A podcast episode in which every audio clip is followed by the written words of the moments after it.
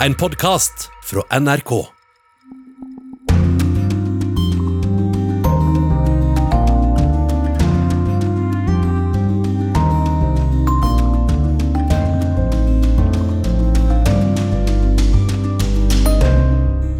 Koronasmitten øker både her hjemme og i USA.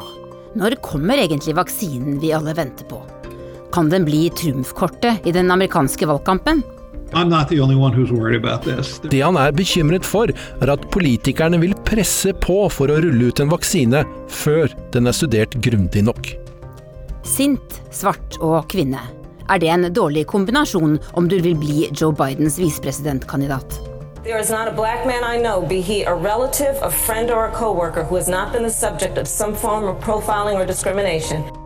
Og Vladimir Putin dyrkes som en stadig større helt i Russland. Men går det en grense et sted?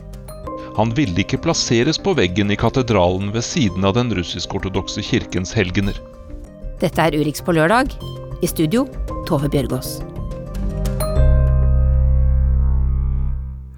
Ja, det er bare én ting som til syvende og sist kan fri oss fra koronaavstand og reiserestriksjoner, og det er en vaksine. Minst seks vaksiner er nå inne i den siste fasen av utprøving rundt om i verden. Flere vil komme i løpet av neste uke. I USA så seiler vaksinen fra selskapet Moderna opp som en favoritt. Men tidspunktet for når utprøvingen skal være over, oktober i år, allerede skaper bekymring. Vil Donald Trump presse fram en tidlig godkjenning av vaksinen for å kunne vinne valget? Vi skal høre reporter Halvard Sandberg fortelle mer. We're on pace to have a vaccine available this year, maybe Vi ligger an til å ha vaksinen tilgjengelig i år, og kanskje lenge før året er over, sa den amerikanske presidenten tidligere denne uken. Han snakket om flere vaksinekandidater, men det er vaksinen til selskapet Moderna som ligger først i sporet. De begynte på det som heter fase 3 27. juli, en fase som skal være avsluttet i oktober i år. Etter dette etter fase tre er det opp til helsemyndighetene å gi en godkjennelse.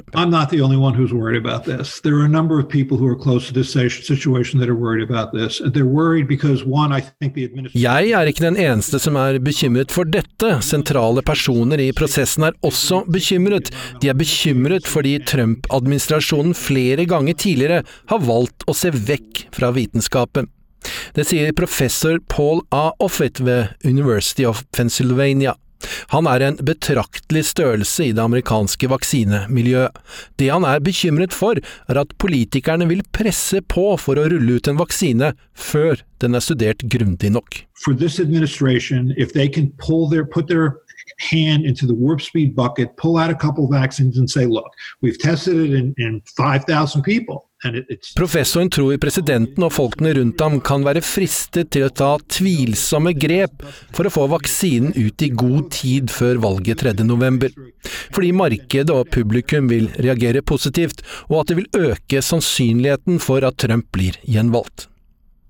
New York Times har kilder i valgkampstaben til Trump, og skriver at de omtaler en tidlig vaksine som den hellige gral. Avisen har også en sentral kilde i Trump-administrasjonen som mener det er viktig å få ut vaksinen fort, at det ville vært uetisk å holde en fungerende vaksine tilbake bare for å tilfredsstille alle kravene. Det er veldig viktig at de vaksinene som nå blir tatt i bruk mot covid-19, at de faktisk eh, er trygge og har god effekt. Eh, Og Derfor er dette med god utprøving veldig viktig, at man tar seg tid til det.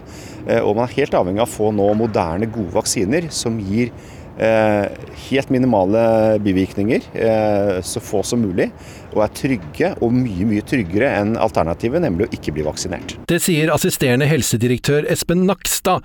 Han tror de moderne typene vaksine som er under utvikling, slik som den fra Moderna, er tryggere enn de mer tradisjonelle. Men han poengterer at det er flere grunner til at vi ikke må ende opp med en vaksine det er grunn til å være bekymret for. Det er veldig viktig at eh, vaks de vaksinene som til slutt eh, kommer på markedet, er godt gjennomtesta, godt utprøvd og viser seg å være både effektive og ikke ha store bivirkninger. Og Det er dels fordi at vi er avhengig av det for å bekjempe denne sykdommen. Men så er det også viktig for tilliten til vaksineutvikling og bruk av vaksine at folk kan stole på at vaksinen er trygg og ikke gir dem bivirkninger. En sentral spiller i denne prosessen er lederen for det som heter Food and Drug Administration, FDA. Det er Stephen Hawn som skal godkjenne en vaksine. Og han har allerede fått et skudd for baugen, da etaten hans godkjente malariamedisinen hydroksyklorokin til bruk i covid-19-pasienter. En godkjenning som senere ble trukket tilbake. Godkjenningen kom gjennom en nødprosedyre der kravene ikke er like strenge, og nå varsler han at den samme prosedyren kan bli brukt av FDA i godkjenningen av vaksinen. We would consider using an emergency use authorization um, if we that the risks associated with the vaccine were much lower than the risks of not having a vaccine and the benefit, potential benefit of having a vaccine. That might depend upon the Vi vil bruke nødprosedyrene dersom risikoen i forbindelse med vaksinen er langt lavere enn risikoen fra pandemien, sier han. Men han legger til vi vil bli styrt av data, av vitenskapen, og at publikum kan være helt sikre på at vaksinen som blir godkjent, vil være trygg. But we are absolutely an independent regulator. And Americans should understand, and I hope understand, that we will call balls and strikes on the data. Our job is to determine whether a vaccine is safe and effective. We make no prejudgment about that. We want to see the science and the data. We will look at that in an independent way, and we will make the absolute best decision for the American people. Den absolutt beste avgjørelsen for det amerikanske folket, hører vi her. Men hva med oss her i Europa? Vi har med oss eh, korrespondent i Berlin, Roger Severin Bruland. Eh, god formiddag. God formiddag. Også der du er i Tyskland, så er vaksinekappløpet i full gang. Hva, hva sier tyskerne om det vi hører fra USA her? Ja, altså Tyskland har jo absolutt eh, meldt seg på i det her kappløpet. Den eh, tyske staten har jo satt av 750 millioner euro til tre firma. Det mest kjente er vel CureVac i Tubingen. For der var det jo et stort drama, som mange sikkert husker i vår. Der Trump forsøkte å ta over den eh, teknologien. Eh, det er jo noe Kurvek nekter nekta på, men flere tyske ministre var jo i harnisk, og det kom nye handelsreguleringer for firmaer som driver med vaksiner, medisiner og verneutstyr. Det andre bedrifter som peker seg ut, er jo IDK Biologica i Dessau, som arbeider med en versjon av koppevaksiner. Og så har vi Biontech som, eh, i Mainz, som nok har kommet lengst, de samarbeider med eh, denne legemiddelgiganten Pfizer. Og Der har jo USA gått inn og kjøpt allerede 100 millioner doser, med opsjon til å kjøpe 500 millioner doser. Så eh, det viser jo at Tyskland er jo en stormakt når det gjelder farmasi. Men er de redde for at det skal gå for fort, rett og slett? At amerikanerne skal kjøre for hardt på? Ja, altså, eh, Det kom jo en ny undersøking her referert i Süddeutsche Zeitung, der eh, en har spurt personer i ulike europeiske land. og der eh, bare 70 Eh, kunne tenke seg å ta en sånn vaksine. 60% i Tyskland og 50% altså halvparten bare i Bayern. Og her snakker ikke vi om vaksinemotstandere. Det er rett og slett, folk er rett og slett redde for at disse vaksinene kommer for raskt på markedet, og at det vil være bivirkninger. Når tror eh, ekspertene hos deg at en vaksine vil være klar? Ja, Forskningsminister Anja Kalicek eh, har jo sagt at eh, tidligst neste sommer. Det er jo en helt annen tone enn den Trump har. Og jeg ser jo Ledende eksperter i Tyskland har jo en enda lengre horisont. Så i Tyskland så eh, er ikke vaksine et sånt hovedfokus som vi kanskje har sett i USA. En ser også på andre metoder som sosial distansering og testing som, som kanskje er like viktig. Men blir det da en vill kamp om å skaffe seg denne vaksinen i Europa når den først dukker opp? Ja, absolutt. Og dette her er jo veldig interessant. For eh, vi ser jo nå at land kjøper vaksiner som ennå ikke vet om de virker. Eh, vi ser at bedriftene kanskje nå begynner å produsere før vaksinen er godkjent, og kanskje må de kaste masse eh, vaksiner. EU da, i sin helhet har gjort flere kontrakter om sånne eksperimentelle eh, vaksiner som skal bli fordelt i forhold til befolkningstallet i medlemslandet. Hvis vi ser på denne Eh, altså som et eksempel, denne AstraZeneca-vaksinen fra Oxford, så har jo da EU gjort avtale om 300 millioner doser. Og da Hvis en da må ha to doser, så er det da nok til en tredjedels av EUs befolkning. Og da er jo det store spørsmålet hvem skal få først? Er det de i risikogruppa, eller de som kan eh, betale for seg? Og Det er jo bare innad i EU, så da kan vi jo tenke oss eh, Eh, hva vil situasjonen bli for fattige land i Afrika og Asia? De stiller jo selvfølgelig bakerst eh, i køen. For eh, det er jo som alltid pengene som bestemmer her. Det er vel ingen tvil om at ingen av disse her vaksinene vil bli gratis. Takk skal du ha.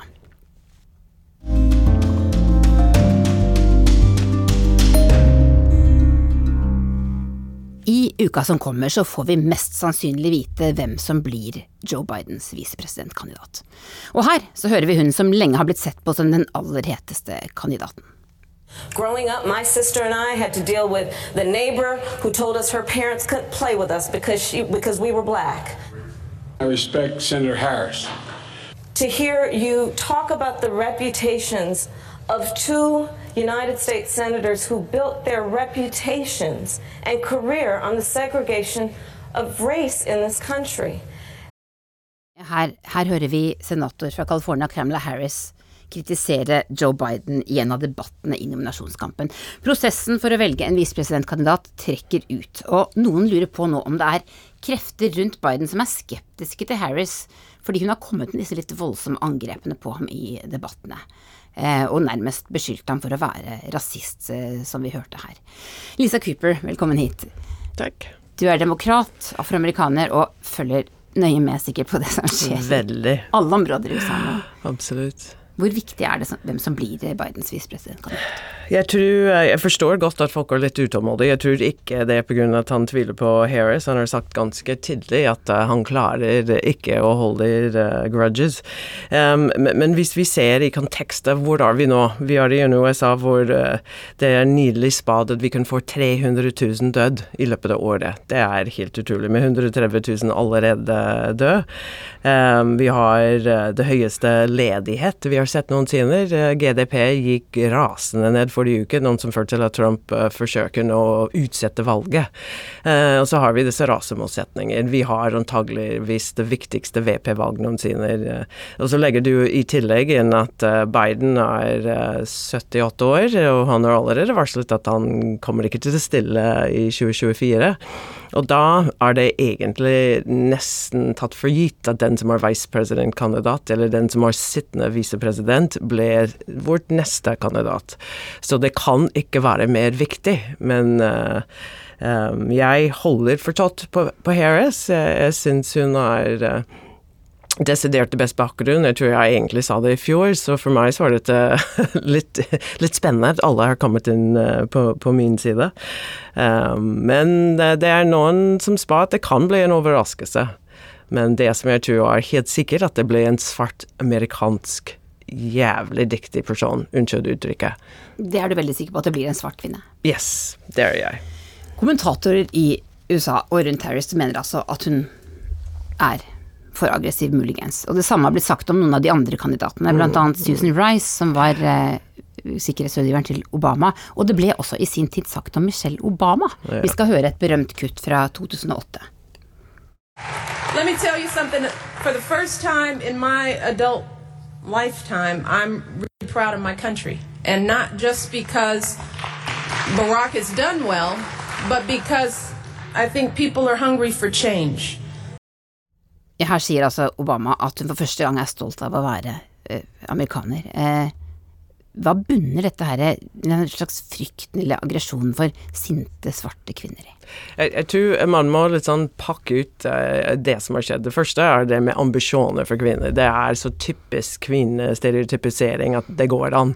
Uh, I USA så er det uh, dessverre en sannhet at kvinner innehar roller som sykepleier og lærer og, og, og ellers sekretærer, hvor menn har de største stillinger. Vi ligger så langt bak når det gjelder lønnsstatistikken, og, og disse, det bygger videre på stereotypene at Eh, at kvinner ikke kan ha ambisjoner.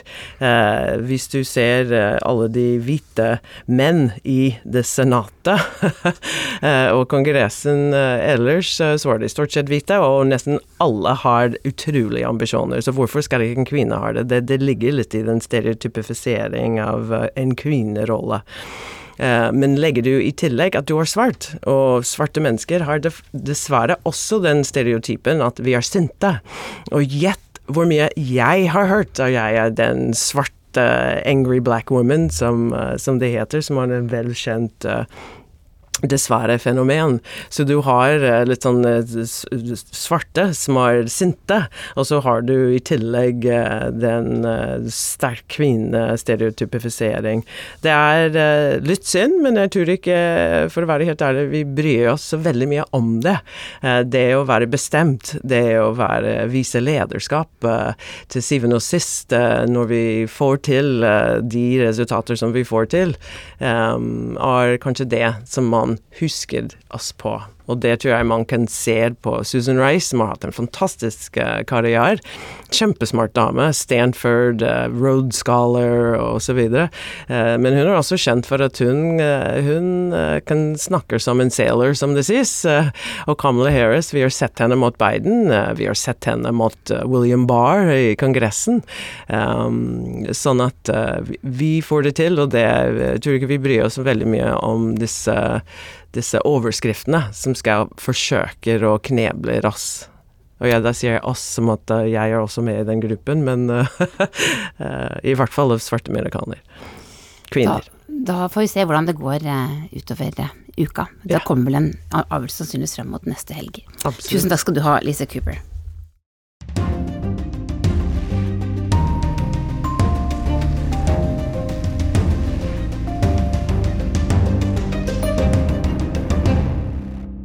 Det skal fortsatt handle om svarte jenter, men vi skal til London. Seksårige Faith Boyd i London lager magasin for svarte barn i kjølvannet av sommerens fokus på rasisme og politivold. Hello, my name is Faith and I'm the editor of Coca Gal. I en stille og typisk britisk bakhage i London sitter seks år gamle Faith Boyd sammen med moren sin og legger glansede blader i konvolutter. Forsida er prydet av et barneansikt med et stort smil. Faith er både redaktør og forsidepike. Hun gir ut Coco Girl, Kakaojente, sammen med moren sin og magasinet Marie Claire, forteller moren Selina Boyd. We decided to do a magazine which reflected her and other girls like her. Det er ingen selvfølge for minoritetsbarn i vestlige land å finne relevante forbilder rundt seg. Heller ikke i en så internasjonal by som London. Hello. Faith har samlet afrohåret sitt i rastafletter med rosa perler i enden. I bladet gir hun hårtips til andre barn med samme hårtype, og hun gir dem i oppgave å beskrive seg selv for å få minoritetsbarn til å være stolte av den de er. Um, I put um, smart yeah. honest. this. You did one thing which I loved. You said you were pretty. Beauty. Yeah. Beautiful. That this, this behavior det var de mange Black Lives Matter-demonstrasjonene i kjølvannet av drapet på George Floyd i USA som inspirerte seksåringen og moren hennes. Demonstrasjoner som ble voldsomme.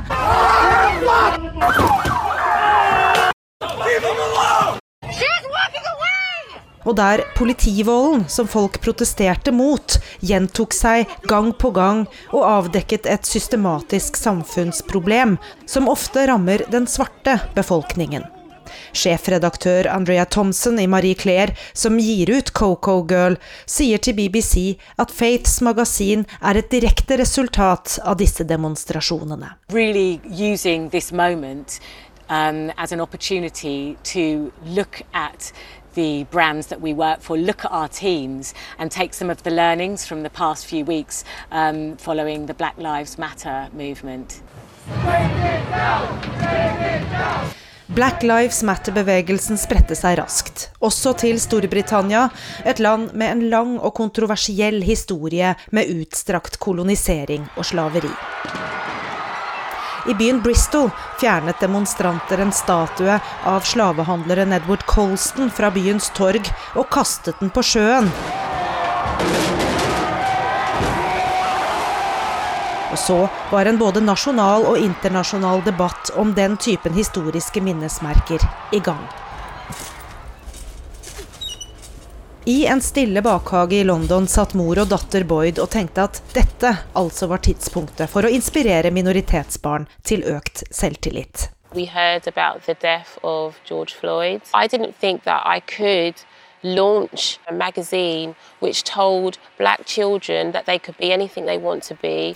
Da moren først hørte om hvordan politifolk drepte George Floyd i en pågripelse, trodde hun ikke det gikk an å gi ut et blad som fortalte svarte barn at de kan bli hva de vil. Men så endret hun mening. Og hun så også hvordan datteren endret holdning til seg selv. Hun begynte å elske håret sitt, den mørke hudfargen, alt ved seg selv. This journey that she's gone on to love her hair, to love her skin tone, to love everything about herself is the most amazing thing that's happened. Just hoping other little girls can go on that journey too. Den seks år gamle redaktøren slår entusiastisk hjul på trampolinen. og får masse positiv oppmerksomhet fra tilskuerne i hagen. Utgiveren av bladet har stor tro på at hun kan være en inspirasjon for å gi andre minoritetsbarn en tilsvarende tro på seg selv. Hun heter jo til og med Tro Faith. Can I just say something, Mummy? If you're out there, friends, I want to say hi. Reporter i dette innslaget var Gry Blekastad Almås.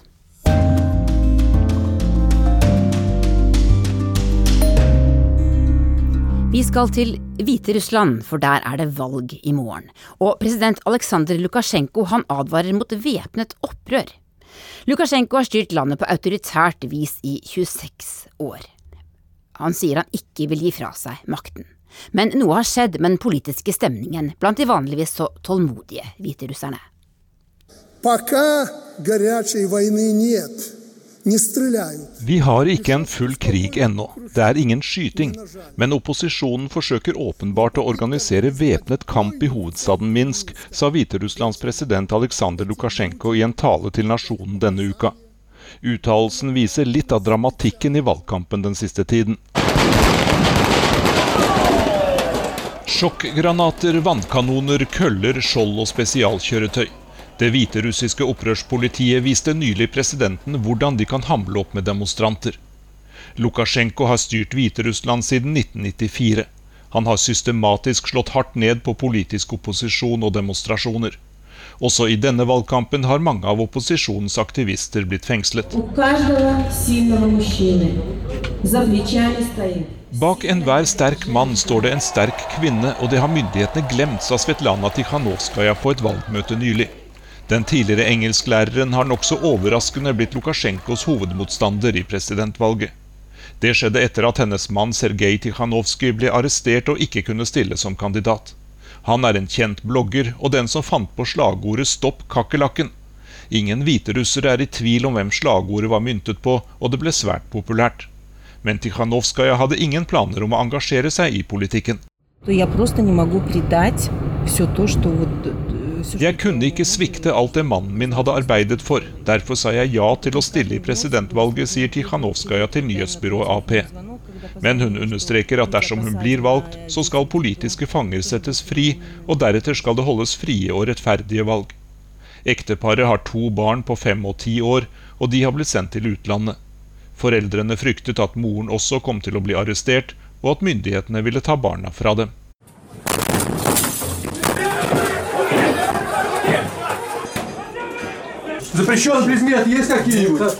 Forrige uke viste det statlige fjernsynet i Hviterussland hvordan mer enn 30 russere ble arrestert i Minsk.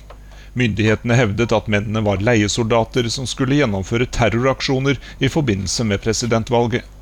Fra russisk side blir det sagt at personene arbeider for et privat vaktfirma, og at de skulle reise videre til oppdrag i andre land.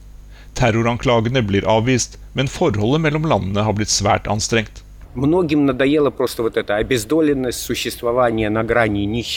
Mange hviterussere er lei av den håpløse situasjonen, av å leve på grensa til fattigdom og av mangelen på muligheter i landet, sier den uavhengige kommentatoren Aleksandr Klaskovskij. Han mener også at folk ikke lenger tror på presidentens argument om at store farer truer hvis han går av som landets leder. Vi den siste tiden har hviterusserne vist at de tør å gå ut i gatene og demonstrere. Hvis Lukasjenko hevder at han vinner en knusende seier i dette presidentvalget, kan det bli nye og store uroligheter. Det sa Russlands korrespondent Jan Espen Kruse, og vi skal bli med Jan Espen Kruse over grensen til Russland, vi, og til ukas korrespondentbrev. Det handler om at det enn så lenge går en grense for persondyrkelsen rundt president Putin. Bildet var nesten ferdig. Det var lagt ned et stort og detaljert arbeid i mosaikken. Det gjensto bare å få det godkjent, og å montere det på veggen i den nye og praktfulle katedralen som tilhører det russiske militæret. Noen russiske medier offentliggjorde bildet der president Vladimir Putin står omringet av politikere og militære ledere. Da landets leder så det, fikk han stanset hele prosjektet. Han ville ikke plasseres på veggen i katedralen ved siden av den russisk-ortodokse kirkens helgener. Putin utelukket ikke at han ville godkjenne bildet på et eller annet tidspunkt, men han skal ha sagt at nå er det for tidlig. Det var også meningen at Sovjetunionens tidligere leder Josef Stalin skulle hedres med et bilde i katedralen. Men etter mange omfattende protester ble dette også skrinlagt. Stalin var ansvarlig for at ufattelig mange mennesker ble sendt i fangeleire, Svært mange ble også henrettet uten lov og dom. Men en del russere mener nå at det er riktig å peke på rollen Stalin spilte i kampen mot nazismen. I land med autoritære ledere er det ofte en vanskelig balansegang, dette med persondyrkelse. Rundt omkring den suverene lederen er det mange mennesker som gjerne vil gjøre vedkommende til laks. De vil vise hengivenhet og lojalitet, men så vet man ikke helt hvor grensa går. Det kan være veldig liten forskjell på det som blir godtatt, og det som blir oppfattet som for drøyt. I tilfellet med mosaikken i militærkatedralen hadde initiativtakerne tydeligvis tråkket i salaten, for sjefen ville ikke ha det. I Putins Russland har det gjennom mange år blitt bygd opp en betydelig personkultus rundt landets leder, men det finnes grenser. Putin selv vil ikke at det skal utvikle seg til det fullstendig absurde slik det gjør i en del andre land f.eks. i den sentralasiatiske republikken Turkmenistan, der den forrige lederen fikk bygd en gigantisk forgylt statue av seg selv i hovedstaden. Den dreide seg rundt slik at den fulgte solens gang. Presidenten nedsatte en komité for å finne ut hvem som skulle ha sitt portrett på landets pengesedler. Komiteen insisterte på at den eneste som var verdig til denne æren, var presidenten. Han forsikret at han ikke ønsket det selv, men at han måtte gi etter for presset. Når jeg ser eller hører på norske nyhetssendinger, tenker jeg av og til at det kanskje ikke er nødvendig å vise vår egen statsminister nesten hver gang hun er ute og støtter opp om en eller annen aksjon. Og når hun dukker opp to eller tre ganger i forskjellige saker i en sending, synes jeg av og til at det kan bli litt mye. Hvis du tenker på samme måte, kan du være veldig glad for at du slipper å se nyhetssendingene på de statlige kanalene i Russland. Der kan de prestere å vise presidentens gjøren og laden i timevis. Der finnes det ingen grenser, og det Putin sier og gjør er per definisjon det viktigste som har skjedd i landet den dagen. Jeg stønner og vrir meg i frustrasjon over mangelen på journalistisk vurderingsevne, uten at det har hjulpet noe særlig. På søndagskvelden vises programmet Moskva, Kreml, Putin. For dem som ikke allerede har fått nok, oppsummeres det presidenten har gjort gjennom hele uka. Programmet burde hete Putin, Putin og atter Putin. I januar i år lanserte presidenten et forslag til forandringer i Grunnloven. Han hevdet at det ville være fornuftig å overføre en del makt fra presidenten til parlamentet. Mange trodde at han gjorde seg klar til å fortsette som russisk statsminister når hans nåværende presidentperiode går ut i 2024. Putin forsikret at det russiske folket skulle få si sin mening om endringene i en nasjonal avstemning. I ukene som fulgte, fikk Putin spørsmål om han ikke kunne vurdere å fortsette som president i flere perioder. Dette benektet han ganske overbevisende, og sa at han ikke ville finne på noen triks for å sitte med makten. Ja, så klar var han at jeg også tenkte at saken var avgjort. I ettertid har jeg gremmet meg og tenkt tusen ganger at jeg burde visst bedre etter å ha arbeidet med de slaviske landene og deres politiske ledere i så mange tiår. Hvordan kunne jeg la meg lure så grundig? For det ble arbeidet med endringene i Grunnloven i en rasende fart. Først i en komité, og deretter i parlamentet og en vakker dag kom Valentina Tereshkova, verdens første kvinnelige romfarer, nå parlamentsmedlem, med et oppsiktsvekkende forslag. Hun ville at Putins tidligere presidentperiode skulle nulles ut, slik at han kunne stille med blanke ark og få to nye presidentperioder, og teoretisk kunne sitte til 2036. Putin var praktisk nok like i nærheten. Han troppet opp i parlamentet og sa at han støttet ideen. Og jammen ble forslaget vedtatt. Det fikk også flertall i folkeavstemningen i sommer. Så det er en grunn til at Putin ikke har arbeidet noe særlig med å forberede en etterfølger. Det var sannsynligvis aldri hans plan å gi seg som russisk leder når perioden hans går ut i 2024. Men autoritære ledere har det heller ikke bare lett, særlig i et land som Russland, der overvåking og kontroll tross alt er et godt stykke unna det som skjer i nabolandet Kina og stemningen i befolkningen er noe president Putin helt sikkert er veldig opptatt av. De siste ukene har det hver eneste helg vært tusenvis av demonstranter ute i gatene i byen Khabarovsk langt øst i landet. De protesterer mot at guvernøren deres ble arrestert i sommer, anklaget for å være medskyldig i mord på begynnelsen av 2000-tallet. Demonstrantene mener at hans egentlige forbrytelse er at han vant over Putins kandidat i valget for to år siden. Mange i Russland er spente på om misnøyen med det nåværende regimet kommer til å øke i landet. I forbindelse med folkeavstemningen i sommer sa Putin at russerne burde stemme ja til grunnlovsendringene for å sikre stabilitet, sikkerhet og velstand. Det var nok ikke tilfeldig at ordet stabilitet kom først.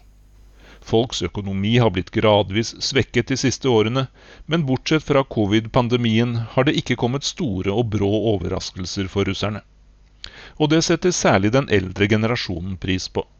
Et vanlig uttrykk blant dem er at det tross alt ikke er like ille som under krigen. Hvis mye av det som skjer sammenlignes med krigen, er det kanskje forståelig at tålmodigheten er ganske stor hos en del av russerne. Det nyter Putin godt av, og nå har han fått god tid på seg til å fintenke på når tiden er moden til å la portrettet pynte opp på veggen i den militære katedralen, ved siden av de russiske helgenene.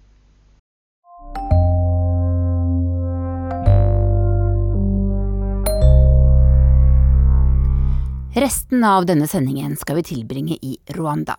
Tom Christiansen tar oss med dit i podkastserien Toms afrikanske fortellinger.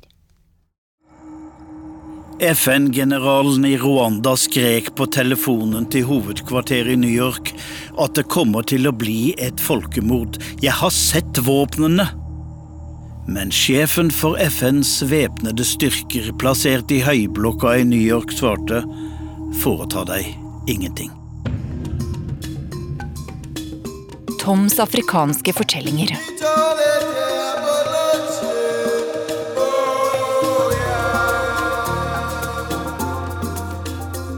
Jeg heter Tom Christiansen og har i mange år reist i Afrika for NRK.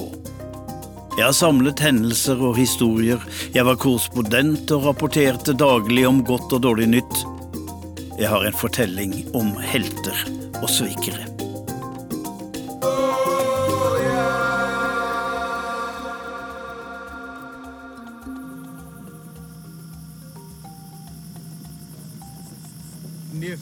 FN-generalen fra Canada, Romeo Dallaire, har landet i Kigali høsten 1993. Han er på vei til hovedkvarteret. Åsene er grønne og jorda rustrød, stråhyttene ligger i klynger, det ryker fra tunet, og det er mat til alle. Romeo Dallaire, generalen med den hvite, strie barten og FN-beretten på snei, han vet ikke at det bare er et halvår igjen til folkemordet.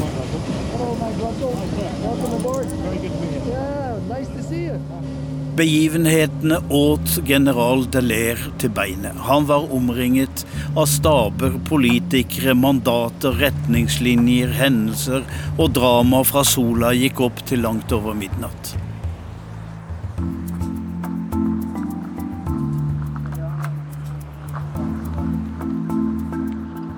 Jeg har tråkket i Delairs fotspor etter at folkemordet var over. Rwanda, dette lille, overbefolkede landet mellom Kongo, Tanzania og Uganda, midt i Afrika, uten kyst. En Unicef-rapport fortalte at sju av ti mennesker i dette landet har sett noen bli drept. Så jeg teller. Én, to, tre, de har ikke sett noen dø. Fire, fem, seks, sju, åtte, ni, ti har sett noen bli drept, de fleste med kniver, økser og macheter. Hvordan kan de komme seg videre i livet? Jeg ser også på nesene deres. Noen har en flat afrikanese, andre et smalt og høyt aristokratisk nesegrev. Det var det som var forskjellen på hutuer og tutsier. Hutuene kom hit for tusen år siden, siden kom tutsiene, som altså så annerledes ut, ligna litt mer på etiopere. Men så har de gjennom generasjoner giftet seg med hverandre. Tutsiene er kvegeiere, hutuene småbønder. Rikdom ble tellet etter buskapens størrelse. Så hvis en hutu hadde mange nok kyr, kunne han gifte seg med en tutsidame og skifte stamme. I 1973 begikk hutuene statskupp. Juvenal Habyarimana tok makten og gjorde Rwanda til et diktatur. Nå var det hutuer som satt i alle posisjoner, og tutsier ble undertrykket. Det var en hevn, og den var blodig. Tutsier ble slaktet som sitt kveg. Hundretusener dro over grensen. En av dem som dro, var Paul Kagame. Han var to år og fulgte sine foreldre til Uganda. En smart gutt, flink på skolen, god disiplin. Han ville bli soldat, og det skal ta 17 år før vi første gang hører om ham. Det var en merkelig historie.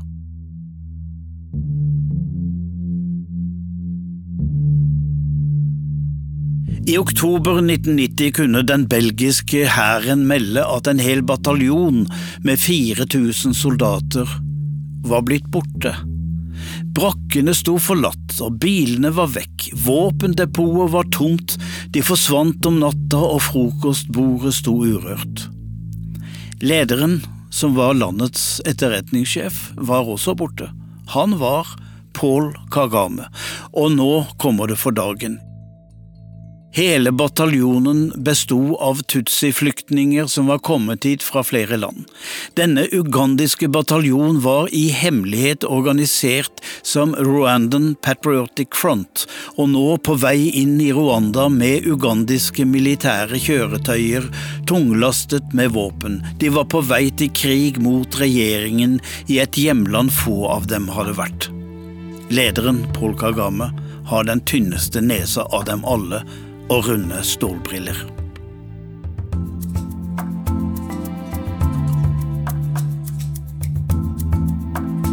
Det gikk ikke så bra. Regjeringen i Kigali ba om forsterkninger fra europeiske venner, og Frankrike sendte 1000 fallskjermjegere, etterretningsoffiserer og elitesoldater. Belgia mobiliserte 400 mann. De sto i blodige slag mot Tutsi-hæren til Paul Kagame. Landet trengte våpen, men få ville selge geværer til et diktatur. Egypt lot seg likevel overtale, for kontrakten var stor, 36 milliarder kroner, du får mye skyts for det. Krumtappen i våpenhandelen var Egypts viseutenriksminister, han har du kanskje hørt om, Butros Butros Ghali. Året etter ble han FNs første afrikanske generalsekretær. Det er tre og et halvt år til folkemordet, og de spredte kampene mot Tutsi-militsen blir flere og flere.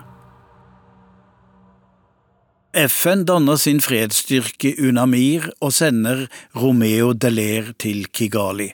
Vi er kommet til oktober 1993, og det er seks måneder til folkemordet.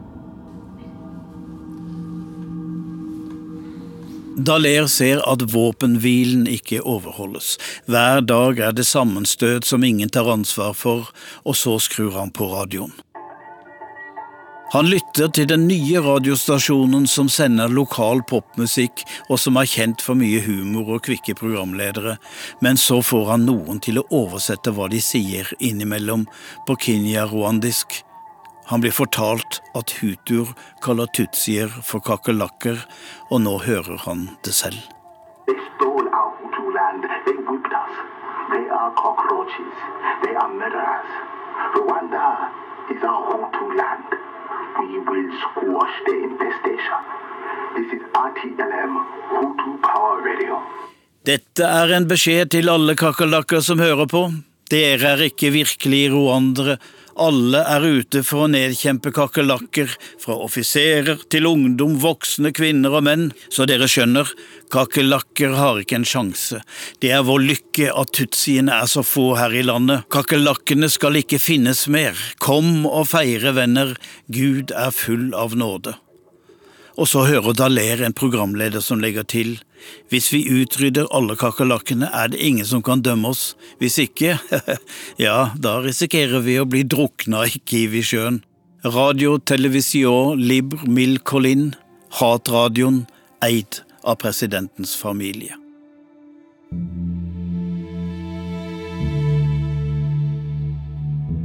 Så får han vite om våpenimporten fra Egypt, men det er verre enn som så. Regjeringen har dannet en egen høyreekstrem milits med frie hender til å handle. Han må stave navnet for å få det rett. Inter Ra Hamve. Og hva betyr det? De som slåss sammen. Presidenten som har signert fredsavtalen og driver hatradioen, han har altså opprettet en dødsskvadron. Nå skal du høre historien om Jean-Pierre som våget livet sitt. Han var en høytstående offiser i presidentgarden, men hadde fått kvaler. Han ville i dypeste hemmelighet varsle FN om hva som skjedde.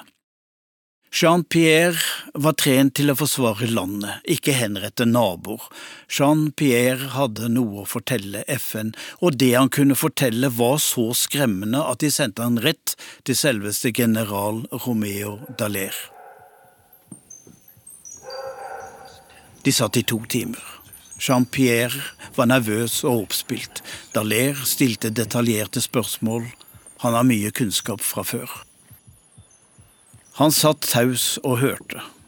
Det var snart midnatt. Her fikk han bekreftet alt. En flodbølge av etnisk vold og hat. Iskaldt, kalkulert og organisert. Alt skulle skylle over dette lille land. Han hadde ikke god tid, våpenlagrene måtte lokaliseres og innholdet beslaglegges for å stanse blodbadet som skulle komme. Jean-Pierre tok med en FN-offiser og viste ham 137 Kalasjnikov maskingeværer stablet sammen med ammunisjon i et partihovedkvarter. Han ble tatt med til busker og kratt i utkanten av byen hvor våpen var gjemt unna. Geværer og macheter var også gravd ned ved strategiske veikryss. Alt stemte. Alt Jean-Pierre hadde sagt til Delaire var sant. Mobiliseringen var i gang og det er to måneder igjen til at folkemordet kan starte.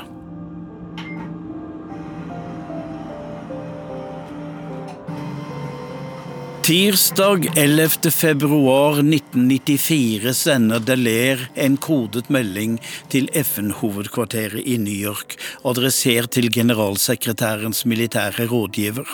Det var ikke tjenestevei, men han tok ikke sjansen på at beskjeden skulle bli borte på veien.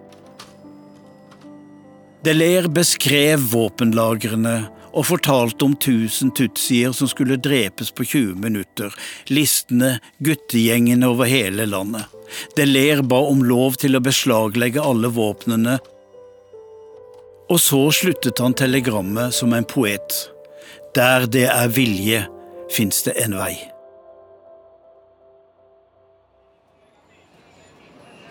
Alarmen gikk i New York. Delaire fikk straks beskjed om ikke å foreta seg noe før ny beskjed følger. Han følte seg lettet, endelig hadde de skjønt. I New York legges saken fram over et av de blankeste kontorpultene i høyhuset. FNs visegeneralsekretær for de fredsbevarende styrker nøler. Det er i strid med mandatet å gripe inn.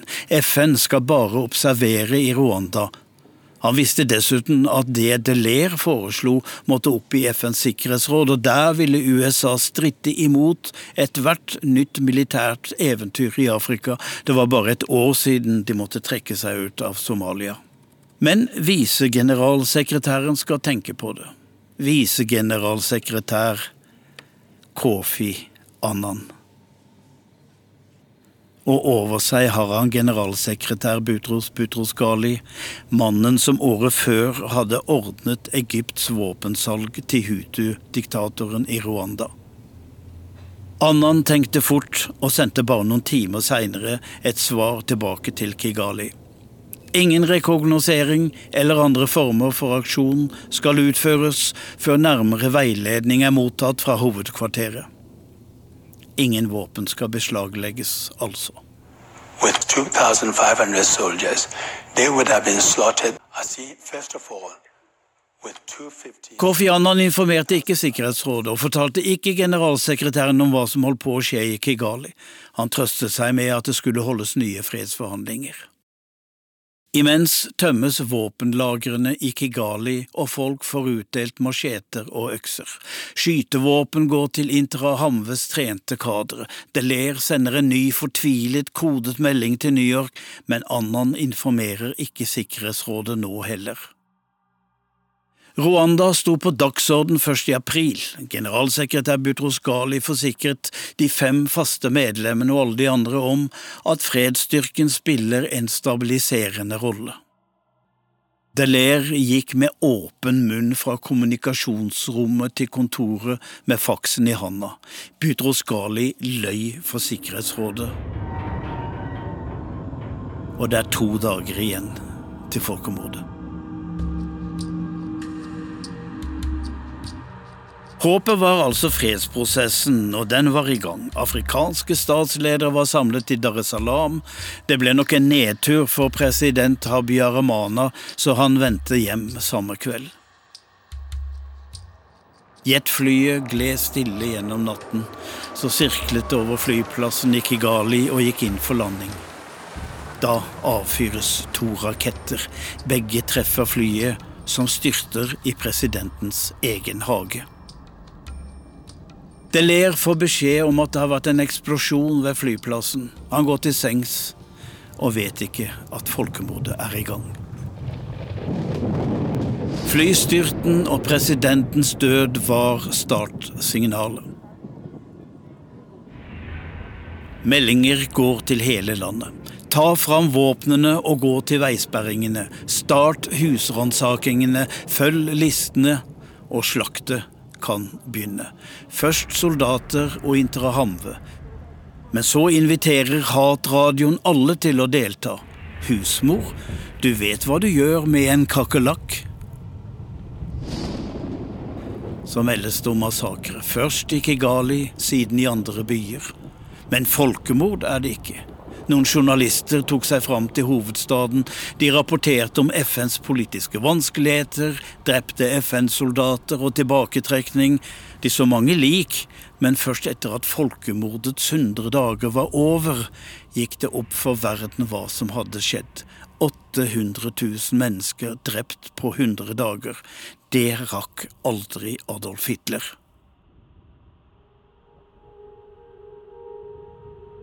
Det var ingen her som drepte dem, det var folket selv. Hvordan var det mulig å manipulere et helt folk til plutselig å drepe naboer og kjente? Barn ble drept av andre barn, unger i blandingsekteskap drepte sin tutsi-mor, leger tok livet av sine pasienter, lærere sine elever, nonner og prester var med, for tutsi-problemet skulle løses en gang for alle, das Endlosung kakerlakkenes sorti. Folkemordet var planlagt til minste groteske detalj. Er det mulig å drepe 1000 tutsier på 20 minutter? Ja, det var mulig.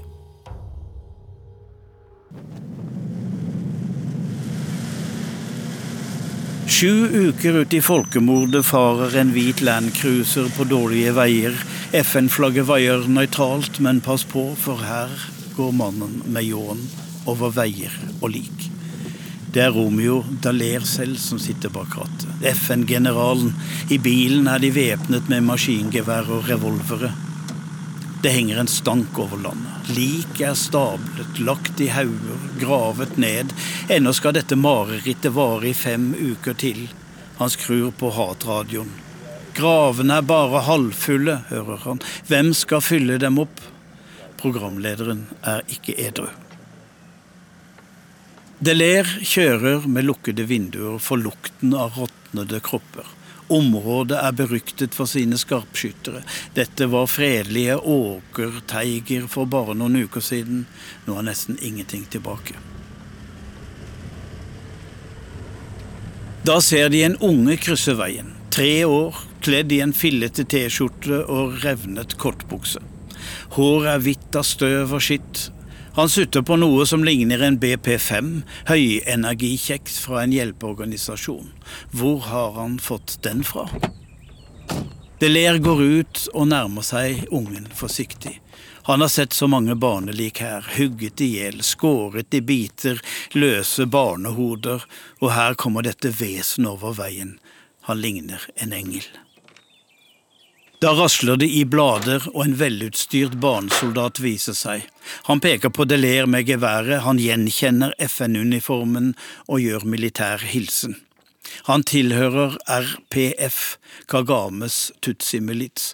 Han er i en fremskutt posisjon som speider og etterretningssoldat, men han er bare 15. Imens løper treåringen av gårde, og de følger etter. De ser ham krype gjennom åpningen til ei stråhytte. De snubler etter og må venne seg til mørket. Lukten av råttent menneskekjøtt får magen til å knyte seg, alt vil opp. Hytta har to rom, et kjøkken og et fellesrom.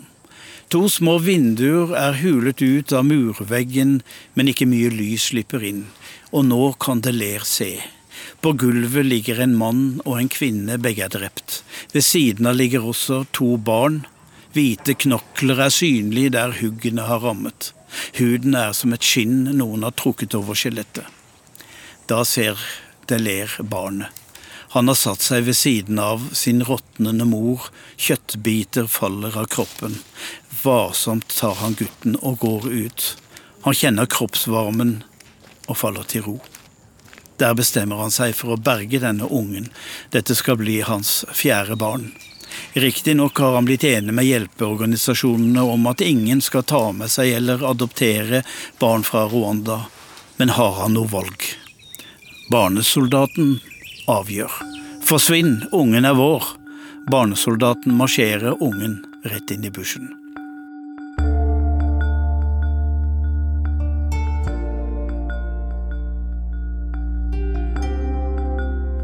Kofi Annan var lederen for FNs fredsbevarende styrker og sto ansvarlig for hva styrkene utrettet og hva de ikke gjorde. Tre år etter folkemordet ble han utnevnt til FNs generalsekretær. I thank the members of the Nobel Committee for this high honor. Sju år etter folkemordet fikk han fredsprisen. Nobelkomiteen skrev at den eneste farbare vei til fred og samarbeid globalt går gjennom FN. Ingen symboliserer håpet eller representerer denne realiteten bedre enn FN.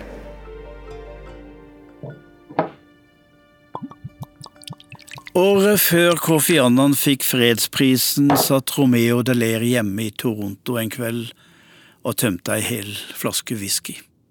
Så fant han farens barberblad i en metallboks fra den annen verdenskrig, og så skar han seg sakte nedover lårene, varmt blod strømmet ut, han skulle blø i hjel eller bli reddet.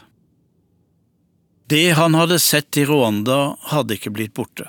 Han hadde gått i terapi for posttraumatiske lidelser, han hadde sett et slaktehus. I tillegg fikk han skylda for at folkemordet fant sted.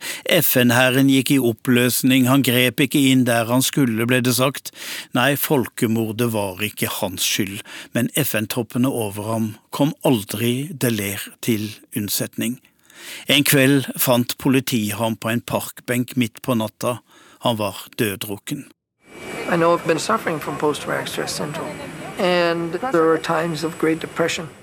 Han fant først roen da han opprettet sitt eget fond for å hindre bruken av barnesoldater, for aldri mer vil han møte en 15-åring med maskingevær som gjør militær hilsen.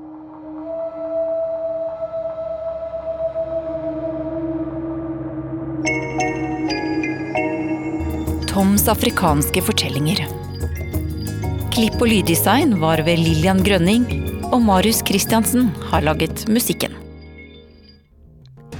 Og det markerer slutten på denne utenrikstimen fra utenriksrevisjonen i NRK.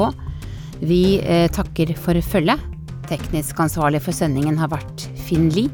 Produsent Nicole Myhrer. Og i studio ønsker og i studio ønsker jeg, Tove Bjørgaas, alle sammen en riktig god augustlørdag.